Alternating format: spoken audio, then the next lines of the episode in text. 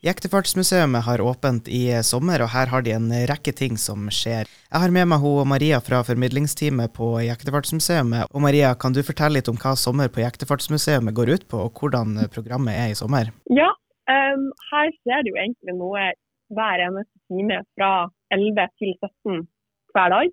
Uh, vi har full sommersesong til og med 14. august, hvor vi tilbyr opplevelser både i utstillinger og i frilufts museet. Eh, formidlingene våre egner seg for både barn og voksne. og Du kan enten ta turen i Kunstnerhuset for å oppleve hvordan en fiskerbonde levde, og teste ut leker som barna lekte før i tida. Eller så kan du ta turen inne i museet, hvor du kan oppleve hvor viktig ektefartshistoria var for Norge da, før i tida, og hvordan den har forma Norge til eh, det det er i dag. Og her tar da formidler eh, dere med på en reise som strekker seg fra før jektefarten til tida etter.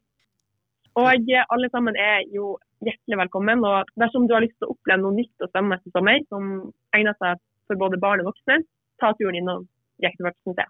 Da sier vi tusen takk til deg, og så håper vi dere får masse publikummere i, eh, i sommer. Tusen takk.